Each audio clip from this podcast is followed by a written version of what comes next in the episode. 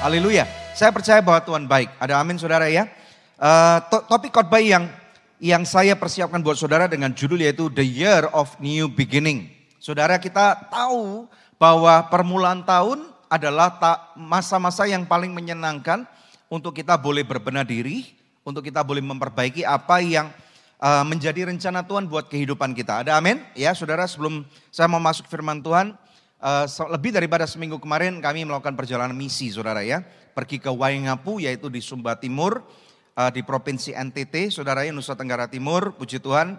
Dan silakan dikeluarkan fotonya, uh, kami melakukan peresmian atau penyerahan sebuah gereja yang kita bangun saudara ya, yang melalui Anugerah Ministries bangun yaitu dalam program Church Makeover ke-75. Kita berikan kemuliaan yang paling pria buat Tuhan. Haleluya. Sampai dengan hari ini sudah ada 87 gereja yang dikerjakan saudara ya dan puji Tuhan di Sumba kemarin uh, sambutannya luar biasa saudara ya disambut dengan tarian perang saudara ya. Waktu kami datang kaget banget karena di sana ribut banget banyak sekali orangnya. Mereka sungguh, sungguh antusias sekali dan sukacita yang besar. Kita boleh bertemu dengan saudara dan saudari kita dan di sana mereka sangat memerlukan uh, fasilitas yang baik, saudara ya. Kalau puji Tuhan di gereja ini kita punya fasilitas yang bagus, punya AC yang dingin, saudara ya. Dan kemudian punya gedung yang saya rasa cukup memadai, betul nggak saudara ya? Sound system yang enak, pemain musik yang luar biasa. Tetapi justru di luar sana masih ada gereja-gereja yang sangat tidak layak. Dan ini adalah salah satu tugas dan kewajiban kita sebagai sama anak Tuhan untuk menjadi saluran berkat. Ada amin? Ya puji Tuhan. Uh, kita percaya bahwa apa yang kita lakukan ini menjadi kemuliaan bagi Tuhan, saudara. Uh, bisa dijalankan slide-nya, saudara ya. Dan kita pada waktu pengundian pita dan juga penyerahan, saudara ya. Kita tahu ada kemuliaan Tuhan di sana, saudara ya. Church Makeover 75, yaitu serangkaian dalam acara Church Makeover uh, untuk gereja Sinode GBI, saudara ya, kita bukan mengerjakan Sinode GBI saja, tetapi seluruh denominasi atau tubuh Kristus. Dan puji Tuhan, uh, enam orang kami ya pergi ya, lima orang tepatnya. Kami melakukan perjalanan misi dan puji Tuhan sukacita yang besar. Semoga nanti tahun 2023 lebih banyak anak-anak Tuhan dari gereja ini, dari jemaat ACS yang boleh bersama-sama dengan saya atau kita semua melakukan perjalanan misi. Siapa yang mau? Ada yang mau nggak? Kita bisa nyambangin Pak Selamat Siombing, Bu Ami ke Batu Rube, ke Uetuwu. Ya, tapi kita tahu kalau mau perjalanan misi itu perlu persiapan mental.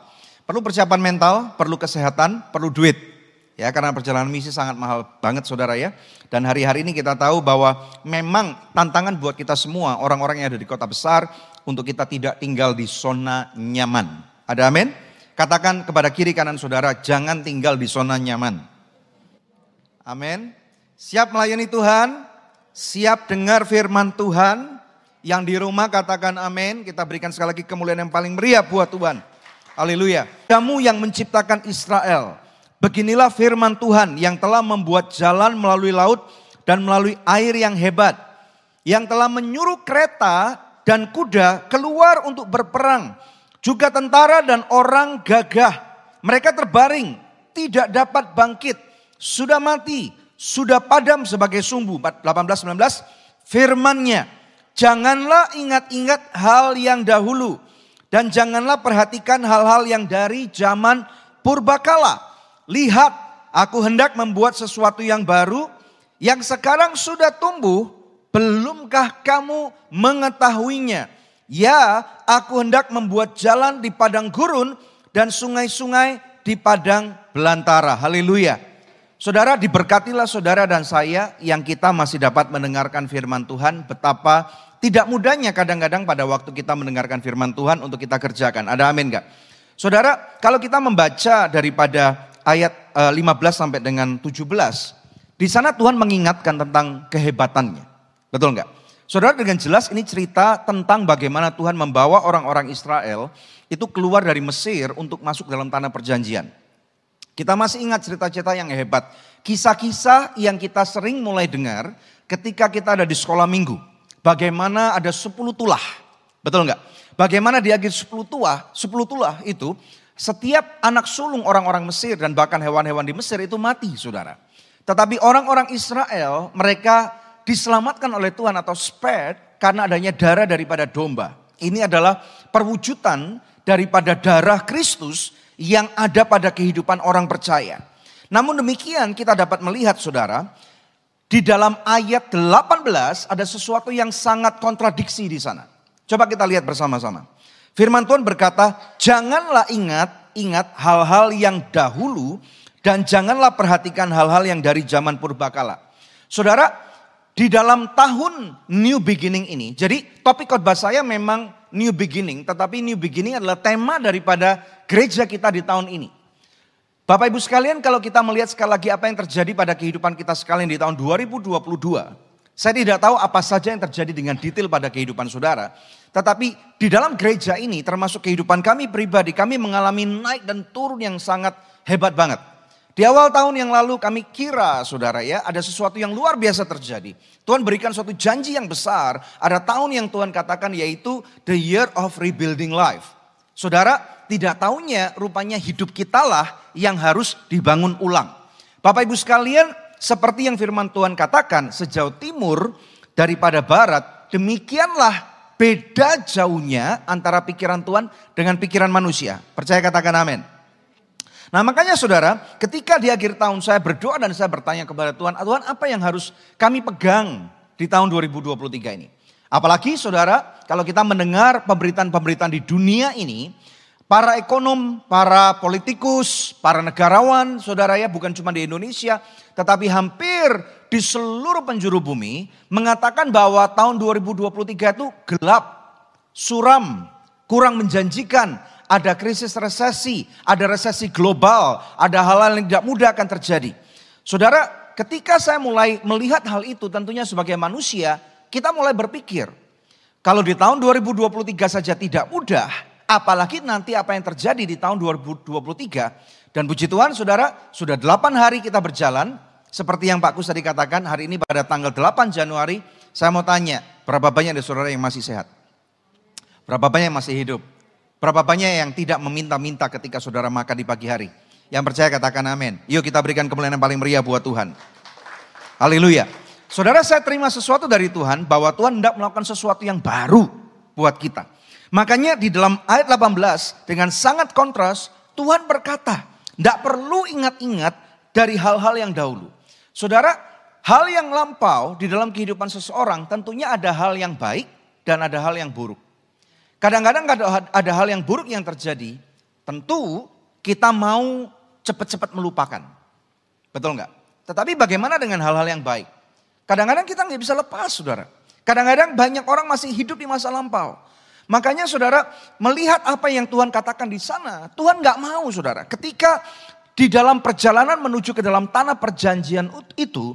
Tuhan menghendaki setiap orang-orang Israel untuk tidak mengingat-ingat bahkan mujizat-mujizat penyertaan Tuhan yang besar supaya ada new beginning terjadi pada kehidupan mereka.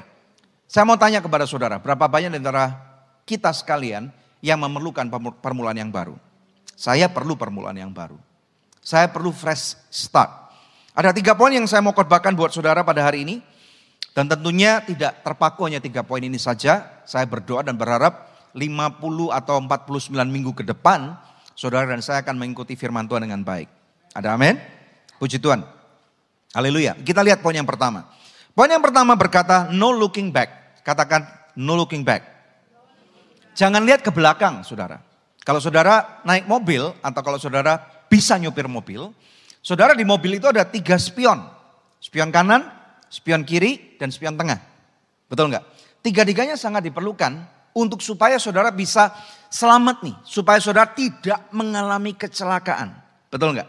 Tetapi saudara, sangat diperlukannya tiga spion ini, saudara nggak bisa terus lihat ke belakang. Saudara harus lihat ke depan. Ada satu kaca, kacanya cuma satu gede banget di depan. Kaca itu sangat penting sekali untuk kita fokus ke depan. Bapak ibu sekalian, kita perlu tahu bahwa masa lalu kita, our past is only reference. Masa lalu kita tidak mungkin kita bisa amnesia tiba-tiba kita lupa. Yang dimasukkan oleh firman Tuhan dalam Yesaya 43 18 bukan berarti saudara dan saya kena penyakit yang namanya lupa atau amnesia. Betul ya? Tetapi masa lalu itu hanya sebagai referensi saja. Di dalam bahasa Inggris dikatakan masa lalu itu adalah atau sejarah itu adalah his story. Betul nggak? Ya, sebenarnya history itu dibagi menjadi dua kata, yaitu yang pertama his, yang kedua story. Saudara, di mana artinya ada his story. Ada storynya Tuhan yang terjadi pada kehidupan saudara dan saya. Ada hari-hari yang Tuhan pikirkan. Bahkan ada hal-hal yang kadang-kadang kita pikir, kenapa Tuhan izinkan hal-hal yang tidak mudah terjadi.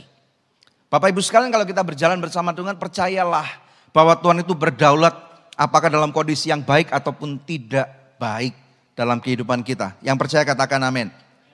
Bapak Ibu sekalian kita perlu tahu dan tidak boleh lupa bahwa masa lalu itu bukan destinasi kita. Masa lalu cuma sebagai point of reference saja. Kalau Tuhan menjanjikan ada suatu promise land, ada suatu tanah perjanjian yang Tuhan mau berikan kepada orang-orang Israel. Mereka tidak boleh berhenti di tengah jalan. Yang menjadi pergumulan atau permasalahan daripada orang-orang Israel adalah ketika mereka berada di dalam tengah perjalanan, mereka kemudian sering kali berpikir, lebih enak tinggal di Mesir. Di Mesir ada banyak makanan. Di Mesir ada banyak shopping mall. Di Mesir ada banyak kemudahan, betul nggak? Di Mesir ada hal-hal yang familiar yang mereka sudah tahu. Tetapi di padang pasir mereka tidak tahu.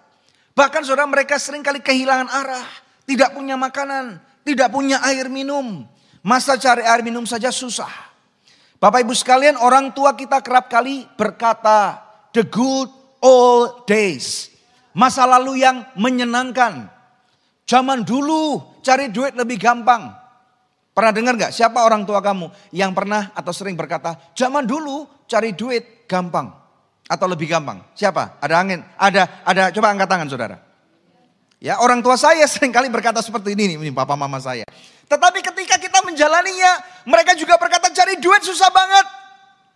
Tetapi kalau sudah lewat, mereka masih dengan kadang-kadang berkata cari duit pada zaman lalu mudah banget atau lebih gampang.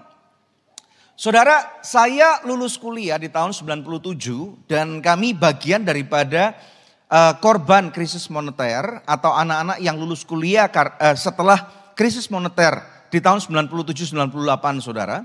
Dan ketika itu di tahun 98 sampai dengan tahun 2001 Indonesia mengalami pergolakan ekonomi yang sangat hebat dan sangat berat sekali. Waktu itu saya sering mendengarkan cerita betapa mudahnya, betapa menyenangkannya make money sebelum tahun 97 saudara. Saya masih bahkan berangan-angan, wah aku salah arah nih, aku salah waktu nih. Seharusnya aku hidup sedikit lebih tua daripada sebelumnya. Tuhan kalaupun aku misalnya bisa lulus kuliah di tahun 94 atau 93, bukankah lebih menyenangkan? Berarti aku akan punya satu kesempatan at least 2 tahun, 3 tahun, 5 tahun untuk mengenyam masa-masa yang lebih mudah cari duit. Dan saudara saya mengingat Ketika kami baru merintis suatu bisnis pada zaman itu tidak mudah banget. Saudara, tetapi ini yang sering kali. Saudara orang-orang tua kita katakan, cari duit pada masa lalu lebih gampang, lebih mudah, lebih enak. Sama seperti orang-orang Israel yang berkata, tinggal di Mesir lebih enak. Padahal mereka lupa, ketika mereka ada di Mesir, mereka berkata, Tuhan tolong kami, kami dijajah. Tuhan tolong kami, kami dijadikan budak. Tuhan tolong kami, kami dipukulin terus. Betul nggak saudara? Tetapi ketika Tuhan bawa mereka dan mulai jawab apa yang menjadi doa mereka sesuai dengan apa yang Tuhan janjikan kepada Abraham, mereka mulai menjerit. Bapak ibu sekalian, saya percaya di tahun 2023 dan seterusnya, Tuhan punya rencana yang sangat besar untuk masing-masing kehidupan saudara dan saya. Ada satu promise land, ada satu tanah perjanjian ada satu hari-hari yang baik yang Tuhan sudah janjikan untuk kehidupan saudara dan saya. Yang perlu kita lakukan adalah menerima daripada janji itu dan mulai menjalankan apa yang Tuhan kehendaki untuk kita kerjakan untuk mencapai ke tanah perjanjian itu. Yang siap katakan amin. Haleluya, kita berikan kemuliaan yang paling meriah buat Tuhan. Haleluya. Saudara sekalian, Tuhan Yesus juga berkata, ini tercatat di dalam kitab Lukas pasal 9 ayat 57 sampai dengan 62. Kita nggak perlu baca semua saudara. Tetapi waktu itu ketika murid-muridnya bertanya kepada Tuhan Yesus, Tuhan aku mau mengikuti engkau. Aku mau jadi muridmu. Aku mau melakukan apa saja yang kau minta. Kemudian Tuhan Yesus berkata di ayat 58. Serigala mempunyai liang. Burung mempunyai sarang. Tetapi anak manusia tidak mempunyai tempat untuk meletakkan kepalanya. Artinya apa saudara? Kalau kita mau ikut Tuhan Yesus. Tuhan Yesus tidak berjanji bahwa di dalam kehidupan kita akan pasti kita kaya raya akan pasti segala sesuatunya baik. Tuhan tidak pernah berjanji pasti kamu akan disembuhkan. Tuhan tidak pernah berjanji pasti kamu akan diberikan rumah yang besar. Wong Tuhan sendiri berkata, aku lo tidak mempunyai tempat tinggal.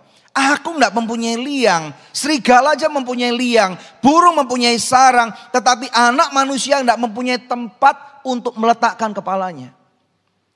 Masih mau ikut Tuhan?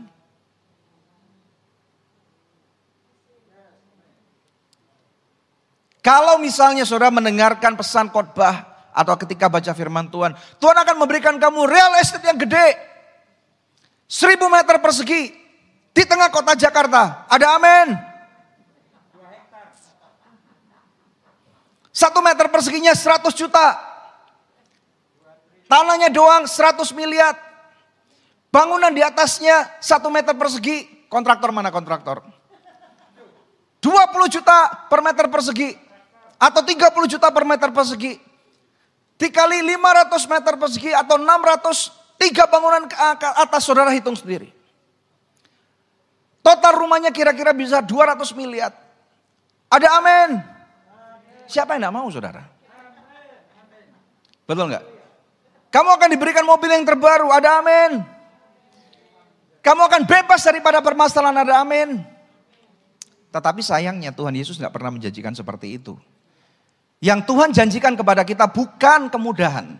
Yang Tuhan janjikan kepada kita bukan berkat-berkat jasmani yang melimpah. Walaupun saudara, di dalam kehidupan ini kita tidak boleh sangkali bahwa hal-hal yang dicari oleh dunia sangat diperlukan oleh kita orang Kristen. Makanya saudara, Tuhan Yesus juga berkata, carilah dahulu kerajaan Allah dan seluruh kebenarannya, ini tertulis dalam Matius 6 ayat 33, Amin saudara. Maka segala sesuatu yang diperlukan oleh orang-orang di dunia ini juga akan ditambahkan kepadamu. Kekayaan adalah suatu bonus. Saya adalah sebagai hamba Tuhan yang mau mengajarkan kita tidak boleh terpaku hanya kepada berkat jasmani. Tetapi pada saat yang bersamaan kita nggak boleh takut kalau kita ngomong tentang berkat jasmani. Yang percaya katakan amin.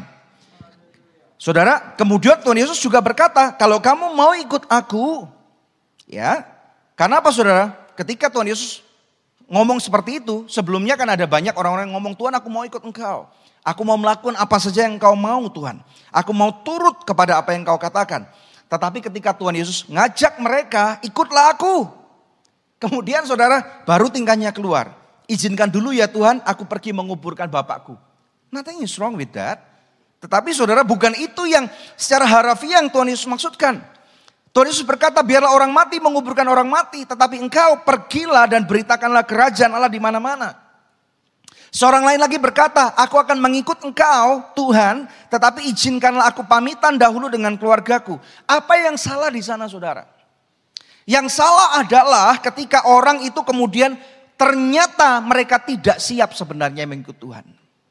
Banyak orang Kristen mau ikut Tuhan ketika kondisi mudah. Banyak orang mau ikut Tuhan ketika ada pasti kesembuhan. Banyak orang mau ikut Krist, mau ikut Tuhan Yesus ketika di dalam kehidupannya duri di dalam dagingnya dicabut. Tetapi saudara, justru di Lukas 9:62 Yesus berkata, setiap orang yang siap untuk membajak tetapi menoleh ke belakang tidak layak untuk kerajaan Allah. Ini firman yang tidak mudah untuk kita cerna. Pastor Daniel kenapa berkhotbah demikian keras ketika di awal tahun? Saudara, mari kita mulai tahun ini dengan sesuatu yang benar. Sekali lagi mari kita ingat, saudara, Bapak Ibu sekalian, destinasi kita, final destinasinya bukan di dunia ini. Destinasi final kita adalah untuk mencapai apa yang menjadi kehendak Tuhan dalam kehidupan kita. Haleluya. The journey is not the destination. Saudara, kita boleh menikmati perjalanan itu, tetapi mari kita fokus kepada panggilan dan apa yang menjadi kehendak Tuhan pada kehidupan kita. Banyak orang-orang Israel, saudara, ketika mereka keluar dari Mesir menuju ke tanah perjanjian, mereka lupa bahwa sebenarnya mereka tidak suka untuk tinggal di Mesir. Mereka lupa bahwa sebenarnya mereka lagi menuju ke suatu tanah yang dijanjikan oleh Tuhan, flowing with milk and honey. Saya percaya Bapak Ibu sekalian, ketika kita mengikut Tuhan, ada suatu keseimbangan dan di dalamnya bukan cuma kesusahan yang Tuhan akan izinkan terjadi, tetapi ada banyak perkenanan dan berkat-berkat yang melimpah. Yang percaya katakan amin. Ayo kita berikan kemuliaan yang paling meriah buat Tuhan. Saudara saya mau tanya, sepanjang tahun 2022 atau sebelum-sebelumnya, berapa banyak dari saudara yang mengalami kesukaran? Air mata, guncangan, kepala jadi kaki, kaki jadi kepala, dipelintir, upside down. Mari kita masuk poin yang kedua. Di poin kedua ini firman Tuhan berkata, with God all things are possible. Saya ulang dengan baik. Di poin yang kedua. Sebab bagi Allah tidak ada ya hal yang mustahil. With God all things are possible. Not easy, but possible. Haleluya. Sekali lagi Tuhan tidak pernah menjanjikan bahwa jalan saudara pasti akan mulus. Tuhan tidak pernah menjanjikan akan ada selalu moon and roses. Tetapi saudara Tuhan berkata, it's possible. Haleluya. Bapak Ibu sekalian ketika mereka, sekali lagi kita balik kepada orang-orang Israel yang menuju ke dalam tanah perjanjian. Saudara, ada satu kondisi yang Tuhan kehendaki untuk mereka lakukan. Kita nggak boleh lupa ya saudara ya, bahwa mereka diperintahkan Tuhan untuk pergi ke suatu tempat. Namanya apa saudara? Tanah Kanaan. Oke, kenapa disebut Kanaan? Karena ada orang-orang Kanaan yang ada di sana. Betul ya? Tetapi firman Tuhan mengatakan sebenarnya tanah itu milik siapa? Milik Abraham. Masih ingat nggak saudara? Ketika Abraham bertikai dengan Lot dan kemudian Lot memilih tempat yang subur dan kemudian Abraham dikatakan oleh Tuhan coba pandang sekelilingmu. Depan, kiri, kanan, belakang. Sepanjang matamu bisa melihat di tempat itulah aku janjikan tanah ini untuk menjadi milik pusakamu. Masih ingat? Tanah inilah yang kemudian disebut yaitu tanah perjanjian. Jadi kita nggak boleh lupa nih saudara, bahwa sebenarnya mereka pulang kampung. Betul ya? Orang-orang Israel itu pulang kampung.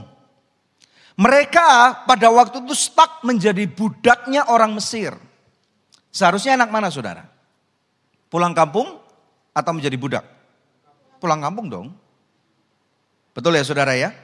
Nah ketika mereka on the way, Tuhan memberikan satu kondisi di sana, saudara dan kondisi ini tidak mudah sekali untuk sebenarnya dijalankan. Karena apa saudara? Untuk masuk ke tanah pusaka yang Tuhan mau kasih kepada Abraham, saudara Tuhan berkata usir, tumpas. Ini tercatat saudara di dalam Yesaya 43 Sorry saudara ya, sebentar. Di dalam firman Tuhan yang tercatat dikatakan di sana yaitu di ulangan 20. Coba kita lihat. Ulangan 20 ayat 16. Tetapi kota-kota, bangsa-bangsa itu yang diberikan Tuhan Allahmu kepadamu menjadi milik pusakamu, janganlah kau biarkan hidup apa pun yang bernafas. Berikutnya, Melainkan kau tumpas sama sekali yakni orang Het, orang Amori, orang Kanaan, orang Feris, orang Hewi, orang Yebus. Seperti yang diperintahkan kepadamu oleh Tuhan Allahmu. Supaya apa saudara? Supaya mereka jangan mengajar kamu berbuat sesuai dengan segala kekejian yang dilakukan mereka bagi Allah mereka sehingga kamu berbuat dosa kepadanya. Jadi saudara kita kita perlu tahu nih ya. Jadi yang pertama tadi Tuhan menyuruh mereka untuk pulang ke tanah Kanaan. Tanah Kanaan adalah tanah yang melimpah dengan susu dan madu. Tanah ini bukan tanahnya orang lain. Tanah ini adalah tanahnya mereka. Dan ketika mereka pergi 430 tahun, ada orang-orang yang menyusup masuk ke sana. Ingat ya, kita nggak boleh salah nih. Karena konflik ini masih terjadi sampai dengan hari ini. Betul ya? Dan kemudian yang terjadi adalah ada satu kondisi yang Tuhan minta untuk mereka kembali ke tanah itu dan ketika mereka sampai Tuhan inginkan mereka menyingkirkan semua orang itu. Di dalam bahasa perjanjian lama sangat keras sekali. Karena Tuhan mengatakan tumpas, bunuh, habisi. Yang mana saudara tentunya kita nggak bisa mengerti di dalam pola pikir perjanjian baru. Karena pada zaman modern ini hal itu sudah nggak berlaku lagi. Tetapi maksudnya ada makna rohani yang sangat dalam di sana. Saudara sekalian ketika ada rencana Tuhan di dalam kehidupan saudara dan saya. Yang Tuhan kehendaki adalah menyingkirkan semua pengaruh-pengaruh yang dapat membawa kita keluar daripada kehendak dan rencana Tuhan. Saudara, ada pengaruh-pengaruh dunia yang kadang-kadang membuat kita tidak bisa mengerjakan rencana Tuhan. Sehingga saudara akibatnya saudara ketika kita atau mereka tidak taat, kadang-kadang mereka tidak tahu kenapa Tuhan suruh numpas itu semua. Ada satu contoh. Saudara masih ingat ada satu eh, kejadian di mana ada seorang raja Israel yang pertama namanya Saul.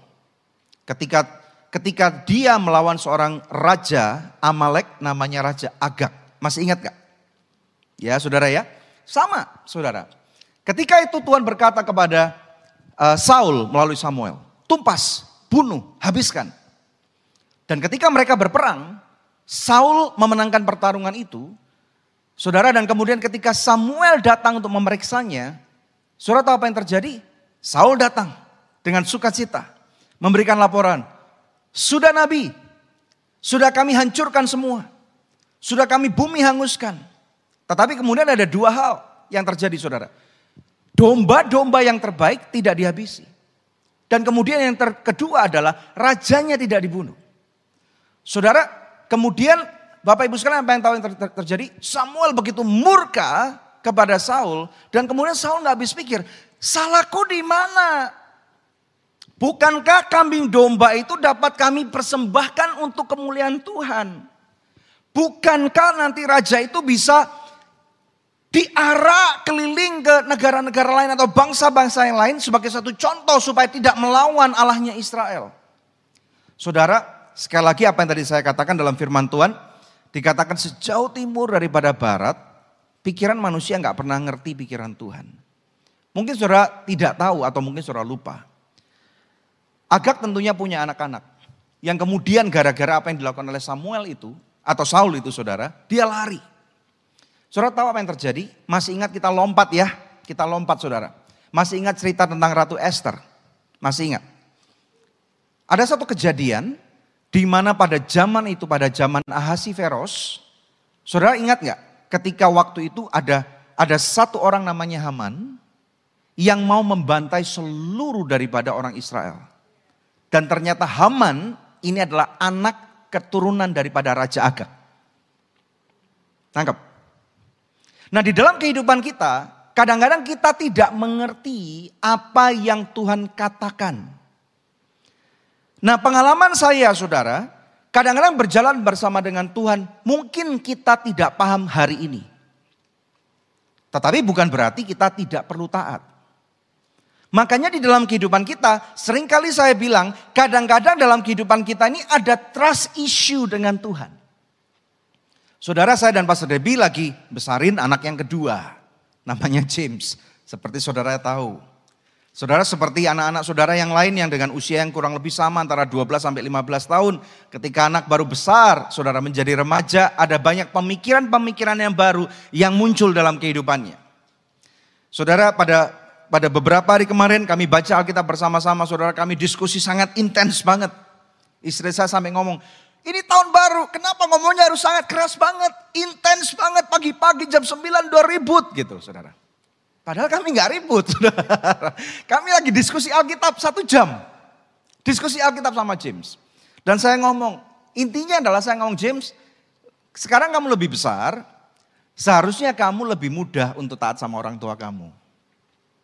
Kalau kamu nggak taat, you know what's happening? ada trust issue di dalam diri kamu terhadap orang tua kamu.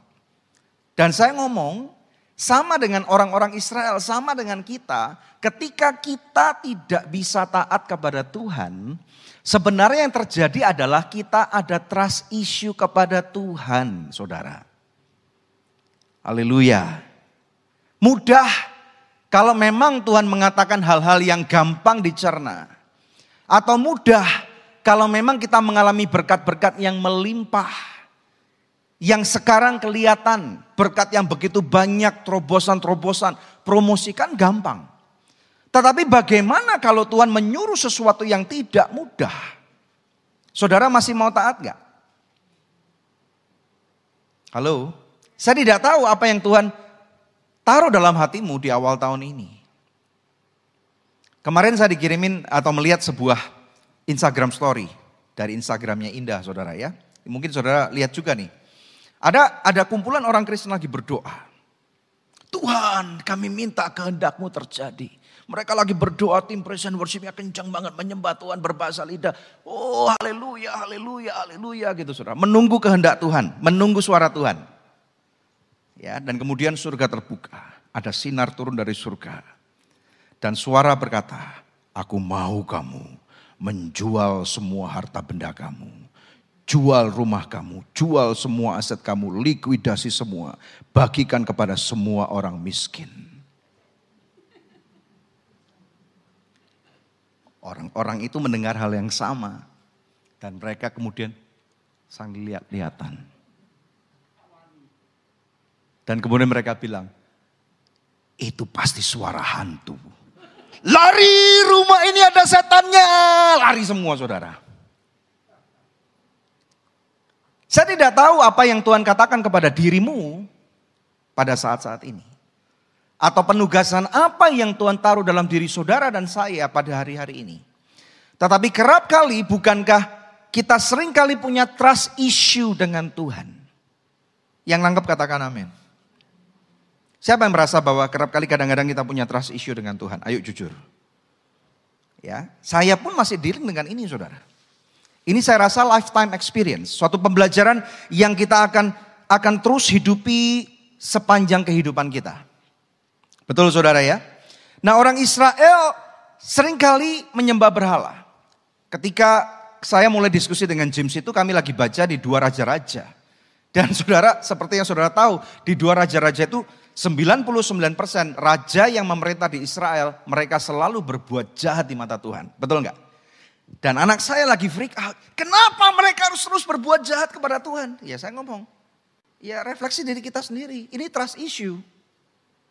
Betul ya saudara ya? Ini trust issue. Gara-gara apa? Gara-gara orang tua, orang tua, orang tua mereka ketika disuruh Tuhan mereka tidak mau taat. Nah makanya saudara, kadang-kadang perspektif kita cuma satu minggu. Perspektif kita cuma satu bulan atau sepuluh tahun kalau orang hebat. Tetapi kita tidak pernah bisa melihat apa yang ada di balik daripada gunung batu itu. Atau ketika ada orang-orang yang Tuhan izinkan datang dan kemudian menjadi beban buat kehidupan kita. Ada orang yang berkata, kenapa saya selalu dipermainkan? Kenapa saya selalu di, disalahgunakan, dimanipulasi. Kemudian saya ngomong saudara, kan kamu berdoa, Tuhan pakai aku. Tuhan pakai aku untuk menjadi saluran berkat. Lah berarti kalau ada orang yang Tuhan kirim untuk memakai kamu, memanipulasi kamu, kan itu jawaban daripada doamu. Halo? Nangkap gak saudara?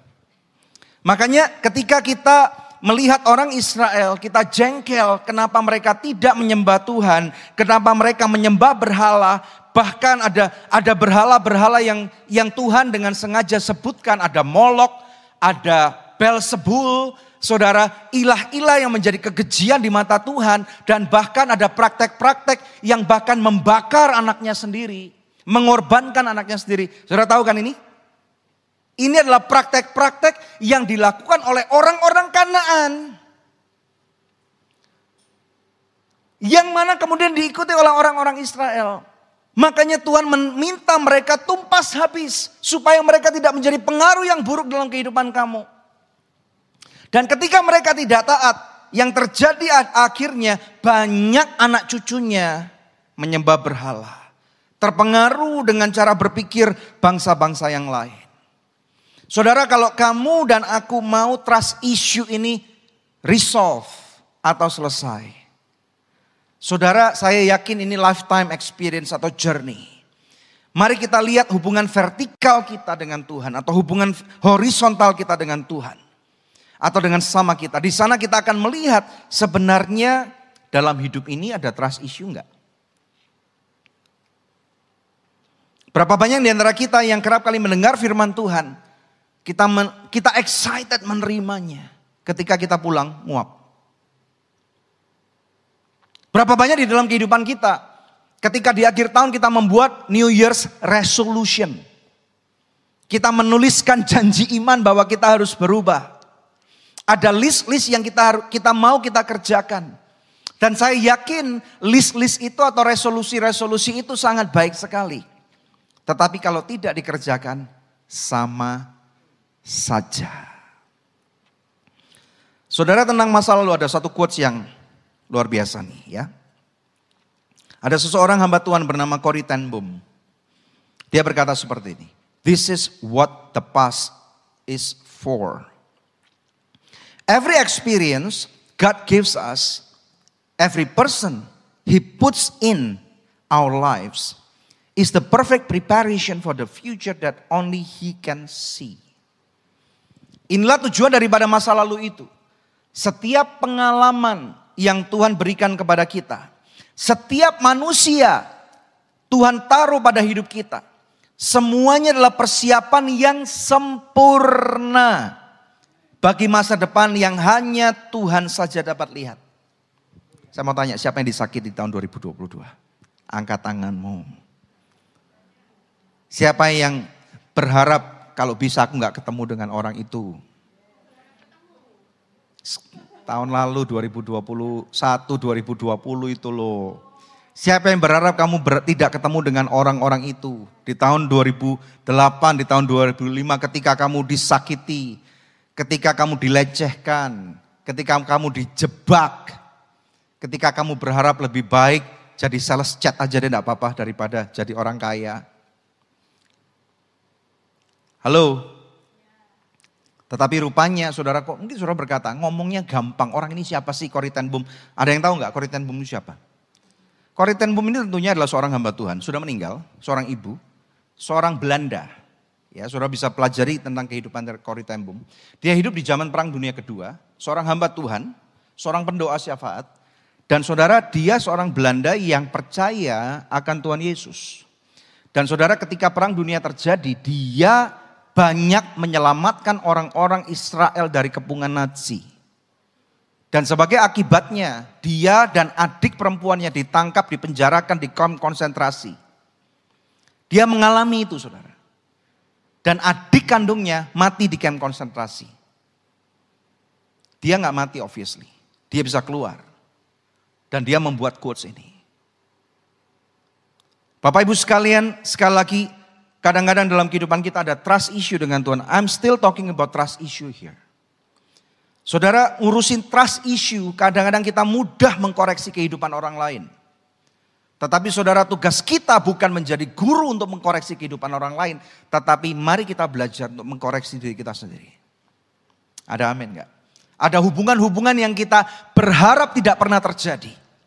Tetapi Tuhan rupanya izinkan itu. Termasuk apa yang kami berdua alami saudara. Kadang-kadang kita nggak habis pikir. Kemarin saudara kami bertemu dengan mentor kami Pak Pastor Arifin. Dia berkata kamu tahu nggak habis daripada puting beliung. Tanah itu bersih. Tidak ada bangunan-bangunan yang ada di atasnya supaya kamu bisa membangun ulang kembali. Dia cerita saudara. Di tahun akhir 70-an, ini orang Surabaya saudara ya. Di Surabaya ada puting beliung. Dan ketika puting beliung terjadi angin tornado itu saudara. Terjadi ada sebuah becak yang terbang. Becak bisa terbang saudara. Dia bilang apakah becak bisa terbang? Tidak mungkin bisa. Tetapi karena tornado becaknya bisa terbang. Saudara dalam kehidupanmu apakah kamu bisa terbang? Tidak bisa. Apakah kamu bisa naik? Belum tentu. Tetapi gara-gara tornado yang Tuhan izinkan pada kehidupanmu, Tuhan berkata, aku ada di sana bahkan di dalam tornado bersama dengan kamu. Yang percaya katakan amin. Berikan kemuliaan yang paling meriah buat Tuhan. Haleluya. Mari kita lihat poin yang ketiga saudara. Bapak ibu sekalian poin yang ketiga kita harus tetap berjalan bersama dengan Tuhan. Berjalan bersama dengan Tuhan itu bukan cuma satu jengkal waktu pengalaman. Bukan cuma satu kali hari minggu kita ke gereja. Bukan ketika satu kali komsel kita dapat hadiah. Bukan ketika kita Natalan kita dapat makanan enak atau baju baik atau hadiah yang menyenangkan. Tetapi perjalanan bersama dengan Tuhan itu harus mengalami ujian yang besar. Perjalanan bersama dengan Tuhan itu sepanjang kehidupan kita. Minggu lalu Pak Hendro sudah berkhotbah tentang bagaimana firman Tuhan menjadi pelita bagi kaki kita. Ada amin gak? Kita harus percaya bahkan firman Tuhan mengatakan saudara bahwa di dalam Efesus 6 Tuhan meminta kita untuk mengenakan seluruh perlengkapan senjata Allah. Musuh kita bukan melawan darah dan daging. Tujuannya supaya kamu dapat bertahan melawan tipu muslihat musuh. Saudara kalau kita berurusan dengan daging atau dengan tubuh manusia itu gampang. Kita bisa melihat apa yang menjadi tindak tanduk mereka. Tetapi kalau kita berurusan dengan yang namanya muslihat iblis, ini nggak gampang. Haleluya. Perjuangan kita kalau mau menang, yang bukan melawan darah dan daging, melawan muslihat iblis. Firman Tuhan mengatakan, kenakan seluruh perlengkapan senjata Allah. Saudara dan seluruh perlengkapan senjata Allah ini ternyata cuma satu. Yaitu apa? Firmannya Tuhan. Ketika saudara dan saya berjalan bersama dengan Tuhan, kalau dalam kehidupan kita, kita mau masih menjadi orang Kristen yang masih berdoa supaya kehendak Tuhan itu ter, terbengkokkan sesuai dengan rencana kita, kita mesti assess ulang apa yang ada dalam hati kita, saudara. Dengar baik-baik Bapak Ibu sekalian, Tuhan itu bukan jin. Yang mana ketika kita gosok lampunya, dia keluar. Kemudian dia ngomong, halo anakku, selamat pagi, semangat pagi. Ada tiga permintaan yang aku akan kabulkan kepadamu hari ini. Kamu mau minta apa? Saudara, Tuhan bukan jin yang dia harus menuruti permintaan kita. Tetapi seharusnya ketika saudara dan saya baca firman Tuhan, saudara dan saya yang harus berubah menuruti kehendaknya. Ada amin gak? Bapak ibu sekalian, kalau kita berjalan bersama dengan Tuhan, kita tahu di gereja ini namanya aja anugerah church. Berarti saudara, salah satu penekanan yang utama adalah tentang kasih karunia atau grace. Saudara, bicara masalah grace itu selalu menyenangkan. Bicara masalah kasih karunia selalu seperti kita dinina bobokkan. Bicara tentang kasih karunia selalu kita dielus-elus sama Tuhan. Tetapi saudara, saya percaya ketika kita berjalan bersama dengan Tuhan, kita tidak bisa cuman bergantung atau berpegang kepada kasih karunia saja. Tetapi kita harus kenal apa yang namanya kebenaran. Ada keseimbangan antara grace and truth. Saya mau bahas ini sebagai penutup. Saudara siap? Saudara kalau kita tahu bahwa di dalam kehidupan kita kita perlu kasih karunia Tuhan. Bahkan sering kali di mimbar ini kita khotbahkan. Oleh karena kasih karunia Tuhan kamu diselamatkan dengan iman. Ada amin? Saudara? Nah saudara kita lihat bersama-sama ada satu ayat di Yesaya 43 ayat 1 dan 2. Ini berbicara tentang kasih karunia atau grace nama yang sering disebut di gereja ini. Grace. Grace, halo Grace. Kita baca bersama-sama. Dua, tiga. Tetapi sekarang beginilah firman Tuhan menciptakan engkau. Hai Yakub yang membentuk engkau. Hai Israel, janganlah takut. Sebab aku telah menebus engkau. Aku telah memanggil engkau dengan namamu. Engkau ini kepunyaanku. Apabila engkau menyeberang melalui air, aku akan menyertai engkau.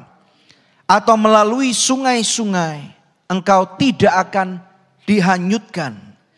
Apabila engkau berjalan melalui api, engkau tidak akan dihanguskan. Dan nyala api tidak akan membakar engkau. Kita terima ini dengan baik. Inilah salah satu daripada anugerahnya Tuhan. Grace-nya Tuhan buat kehidupan kita. Ini mem membelai kehidupan kita. Menguatkan kita ketika kita goyah. Ada amin. Di masa-masa sepanjang tahun atau sepanjang kehidupan saudara, ketika ada hari-hari yang tidak mudah di dalam kehidupan kita, kita perlu supaya kita mengetahui bahwa Tuhan tidak pernah meninggalkan kita. Tetapi rupanya saudara untuk kita bisa berjalan dengan kuat, kita nggak boleh cuman saudara dinina bobokkan atau dibelai saja. Saya percaya bahwa kita perlu solid food. Firman Tuhan juga mengajarkan kalau kamu mau bertumbuh, kamu nggak bisa cuma minum susu saja. Susu tidak tidak tidak tidak berarti nggak diperlukan. Susu perlu, saudara. Ada amin. Ya, tetapi Firman Tuhan mengatakan kamu perlu makan daging. Kamu perlu makan makanan yang keras supaya saudara kamu bisa menjadi orang yang dewasa. Mau daging? Mari kita buka. Ibrani 12 ayat 26 sampai dengan 29. Inilah kebenaran itu. Waktu itu suaranya menggoncangkan bumi. Tetapi sekarang ia memberikan janji. Baca bersama, dua tiga. Satu kali lagi aku akan menggoncangkan bukan hanya bumi saja, melainkan langit juga. Ungkapan satu kali ini menunjuk kepada perubahan pada apa yang dapat digoncangkan.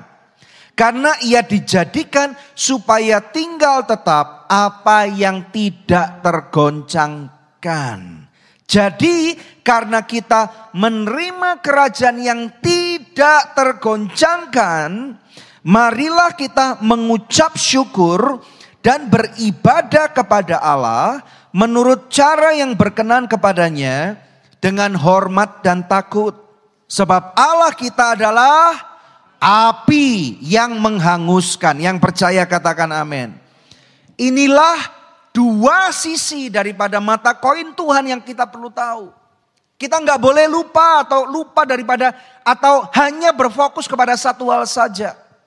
Sama seperti ketika saudara naik mobil, jalan 100, 120 di jalan tol. Saudara harus pastikan saudara ada di jalur yang benar. Ada amin.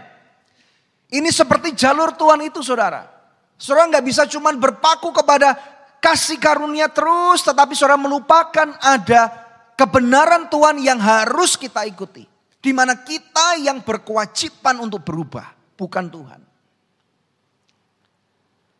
Dan saya percaya ketika grace meet with truth. Maka saudara kita akan menjadi orang-orang Kristen yang kuat. Kita akan menjadi orang-orang Kristen yang akan menjadi saluran berkat. Saya berdoa saudara sebagai penutup. Saya undang tim pemuji untuk kembali ke tempatnya. Tahun 2023 belum tentu menjadi tahun yang mudah. Tetapi saya percaya, saya sungguh percaya akan favornya Tuhan. Tuhan memang gak mungkin pilih-pilih, tetapi kalau kita sebagai orang tua saja, ketika anak-anak kita mudah mendengarkan dan taat kepada kita, anak-anak kita nggak usah minta saudara, kita sebagai orang tua pasti akan mengerti apa yang menjadi kebutuhan anak-anak kita. Ada amin. Saya akan rekap kepada saudara. Poin yang pertama tadi berkata bahwa kita nggak boleh tinggal di masa lalu. Ada amin. Masa lalu itu sebagai point of reference. Ada hari-hari baik yang saudara pernah alami bersama dengan Tuhan. Kalau hari-hari ini saudara mengalami hari-hari yang tidak mudah. Saudara jangan tinggal di masa lalu. Atau masa lalu mungkin tidak menyenangkan. Saudara terikat terpenjara dengan masa lalu. Saya katakan dalam nama Yesus keluar dari masa lalumu.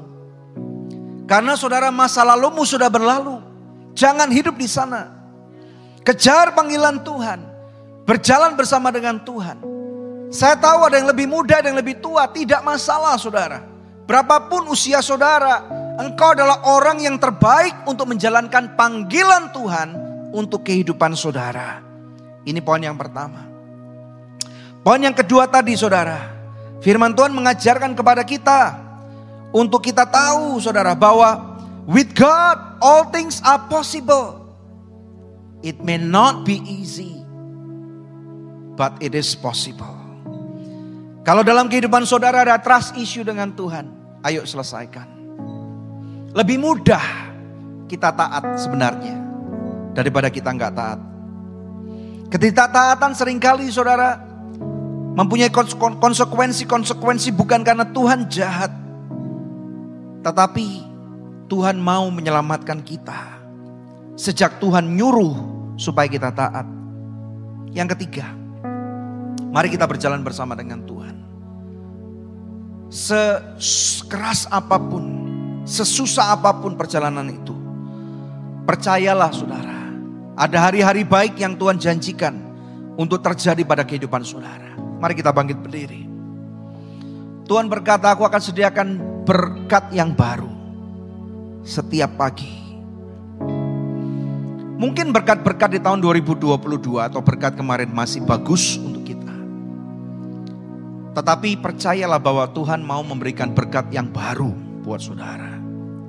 Fresh blessing, fresh anointing, Haleluya. Fresh presence of God in your life.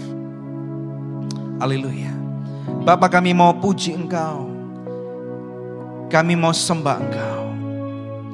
Sama seperti engkau bersama dengan orang-orang Israel. Ketika mereka melewati padang belantara yang begitu brutal.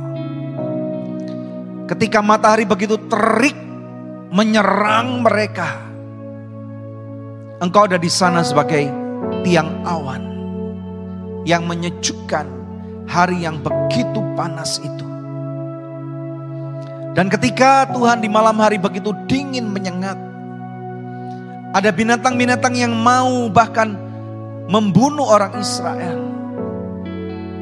Ada musuh-musuh yang mau membantai mereka di tengah kegelapan malam. Tetapi engkau ada di sana sebagai tiang api. Saudara kalau kamu tahu bahwa Tuhan punya rencana yang harus engkau taati. Engkau harus hidupi tahun ini. Engkau yang percaya bahwa Tuhan punya hal-hal yang luar biasa buat kehidupanmu di tahun 2023. Kalau engkau percaya ada assignment-assignment penugasan yang hebat. Yang Tuhan mau berikan kepada saudara atau bahkan sudah berikan kepada saudara. Mari kita berangkat tangan kita saudara. Bapak kami percaya untuk firman Engkau adalah iya dan amin.